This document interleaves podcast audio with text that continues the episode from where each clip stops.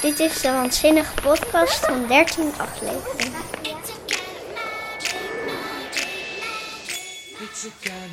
Ik ben Arthur en dit is het boek van de magische dieren.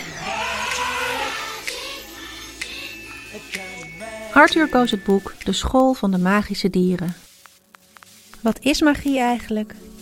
Nou, dat je bijvoorbeeld jou kan omtoveren in een kikker. Wil jij mij omtoveren in een kikker? Nee, dat zou ik niet willen, want anders zou ik de podcast niet meer kunnen opnemen.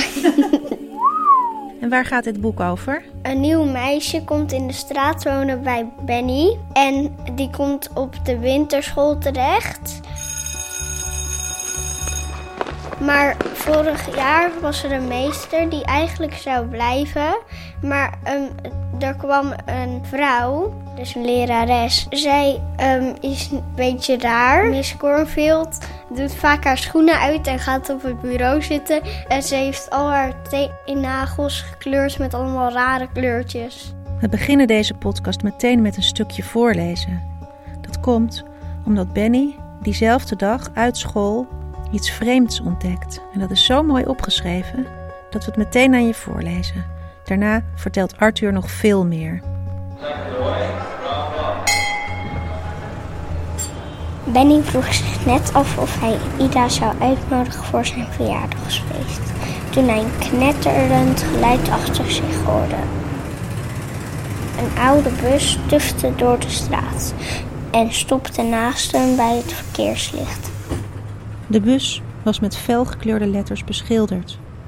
Benny hield zijn hand boven zijn ogen. De letters leken door elkaar te dansen. De magische dierenwinkel las hij. De ramen van de bus waren getint. Benny probeerde te zien wie er achter het stuur zat. Een vent met een hoed, mompelde hij. Maar wie zat er naast de chauffeur? Dat was toch. Ja, dat was Miss Cornfield, zijn nieuwe lerares. Wat doet zij daar? vroeg Benny zich hardop af. Hij ging op zijn tenen staan. Wat was dat achter de donkere ramen? Waren dat gooien? Was die lange schaduw de slanke hals van een giraf? Benny dacht dat hij een geit hoorde mekkeren en een hond hoorde groemen. En hoorde hij een olifant trompetteren? Dat was toch onmogelijk? De motor van de kleurige bus knetterde luid. Het verkeerslicht sprong op groen. De bus reed rechtdoor en sloeg vlak daarna linksaf zonder richting aan te geven. De magische dierenwinkel, mompelde Benny. Zoiets bestaat toch helemaal niet? Magie was toch hetzelfde als tovenarij? Wat zou een magische dierenwinkel dan zijn? Verkochten ze daar dieren die konden toveren? Plotseling dacht hij aan de zwarte mamba in de beukenhaag, de fluitende eekhoorn en de vogel die vandaag zwaaiend langs het klaslokaal was gevlogen. Benny keek nadenkend voor zich uit en snoof. De dieselstank hing nog in de lucht. Hij besloot niemand over de merkwaardige gebeurtenissen te vertellen. Ze vonden hem toch al een dromer en zouden hem niet geloven. En van wie is die bus dan? Dat is de grote vraag. Mortimer Morsion. En dat is de eigenaar van de magische dierenwinkel. Nou, hij gaat op reis met zijn grote bus. Daar haalt hij dan allemaal dieren. Hij begint in het boek altijd met een dier zoeken. En in dit boek was dat een pinguïn. Die komt in het volgende boek pas terug. Dat wordt het volgende magische dier dat iemand krijgt. Ja, en dat is steeds heel spannend in dit boek. Want wie heeft het hardst een magisch dier nodig? En wie zal dus het volgende dier krijgen? Maar het grappige is van als hij steeds binnenkomt, dan zegt hij steeds met een buiging: Mortimer Mercion meldt zich. Mortimer Mercion die koos wie als eerste een dier zou krijgen en dat was Ida met een vos. Wat is een magisch dier eigenlijk? Het is een vriend voor altijd en je kan met ze praten. Maar andere mensen kunnen het magische dier niet horen praten, alleen miauwen of zo. Maar ze kunnen jou wel horen als je tegen het magische dier praat, dus daar moet je wel mee opletten. Want anders denken ze, is die niet goed bij zijn hoofd of zo? Maar als er iemand naar het magische dier keek, dan wordt het een knuffel. Dat noemen ze ook verstenen, toch? Ja, maar dan eigenlijk verknuffelen. en wanneer krijg je een magisch dier? als je ehm, niet zo goed zelf tegen de wereld op kan. En als er iets vervelends is, bijvoorbeeld. Ehm, en dat was denk ik bij Ida, omdat ze kwam op de nieuwe school, maar voor het hek stonden daar hele vervelende meisjes. Dan vertelt Arthur dat hij ook wel eens werd gepest. Door drie jongens. En die gingen steeds achter me aanrennen dat ik bekermans ben. Waarschijnlijk gaat het hier over Bram Botermans. En dat is weer de hoofdpersoon van het boek Het leven van een loser. En dan ga, eh, zeg ik dat ze moeten stoppen en anderhalve meter afstand moesten houden. Toen ze nog anderhalve meter afstand moesten houden.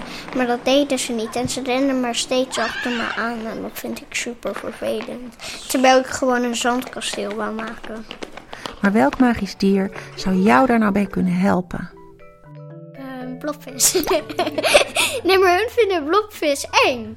Dus daarom denk ik blobvis. Dat zou best eens kunnen helpen. En anders vragen we aan Mortimer Morsen of hij een tijger op ze afstuurt. ja. Waarschijnlijk pesten kinderen om cool te zijn. Daarvoor moet je niet pesten. Daarvoor moet je gewoon goede dingen doen. Dan vertelt Arthur dat hij het leuk vindt om mensen te helpen bij technische problemen. Als er een probleempje is met een invaljuf, met het digibord en zo, dan zegt iedereen dat ik het moet doen. Je hebt er meer verstand van dan de meesters en de juffen. Ja, want ik wil later ook gamemaker worden. Aha! En daarvoor is hij nu al heel hard aan het oefenen. Bijvoorbeeld op de website. Van Klokhuis. Ehm, en daar zo eh, ben ik bezig met Joris en de Draak. Want je kan niet alleen gewoon spelletjes maken, maar je kan ook gewoon films maken. En dat is heel moeilijk, maar het lukt wel heel goed. En ken je dat verhaal uit een boek? Nee, gewoon van de Efteling. Die, ik vind die van de Efteling super cool. Nou, zo zie je maar. Verhalen zijn overal. In boeken, in de Efteling en in games. En die kan je ook nog zelf maken. Arthur kletst maar door. Hij vertelt zoveel dat hij al dingen uit het volgende boek verklapt. wordt genoemd, is ook heel grappig, want die zegt dan steeds, kunnen ze toveren? En dan tovert hij zo'n konijn tevoorschijn van papier maché en iedereen moest er lachen. Maar dat is misschien in het tweede boek, of niet? Oh ja, dat was in het tweede. Oh, Wat Arthur het leukste vindt in dit boek is het mysterie van de stinkbommen in de school. Want wie maakt die bommen? En wat heeft de directeur hiermee te maken? Die ehm, doet vaak mee aan plantenwedstrijden. Dus wie kweekt de hoogste zonnebloem of wie kweekt de leukste dinges, pompoen of zo. En dit jaar was het iets, iets heel stinkerigs. Ja, koolrabi.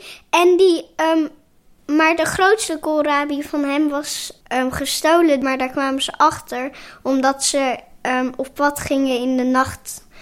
Ida en ehm, het magische dier van Ida. En Benny is daar ook, midden in de nacht. Maar die kwamen elkaar dus tegen. En wat er dan gebeurt?